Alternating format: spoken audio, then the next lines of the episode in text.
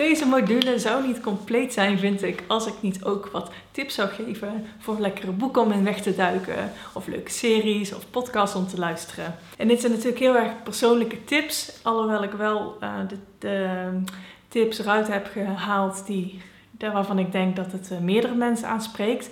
Ik heb bijvoorbeeld mijn boek uh, Bloemen aquarelleren niet genoemd, maar wel um, ja, boeken en um, podcasts bijvoorbeeld die ook wat in deze sfeer van deze cursus passen. Dus die ofwel een wintersfeertje hebben, of gaan over het leven met de seizoenen, of gewoon een leuk verhaal uh, zijn om in weg te duiken.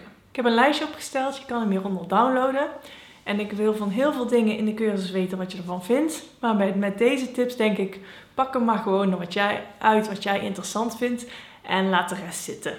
Als je zelf ook nog tips hebt voor wat dan ook, boeken, muziek, series, films voor deze winter, dan laat het vooral weten op Instagram. Dit was het einde van de module creativiteit. We gaan door naar eh, reflecteren en vooruitkijken. Dus tot ziens in module 7.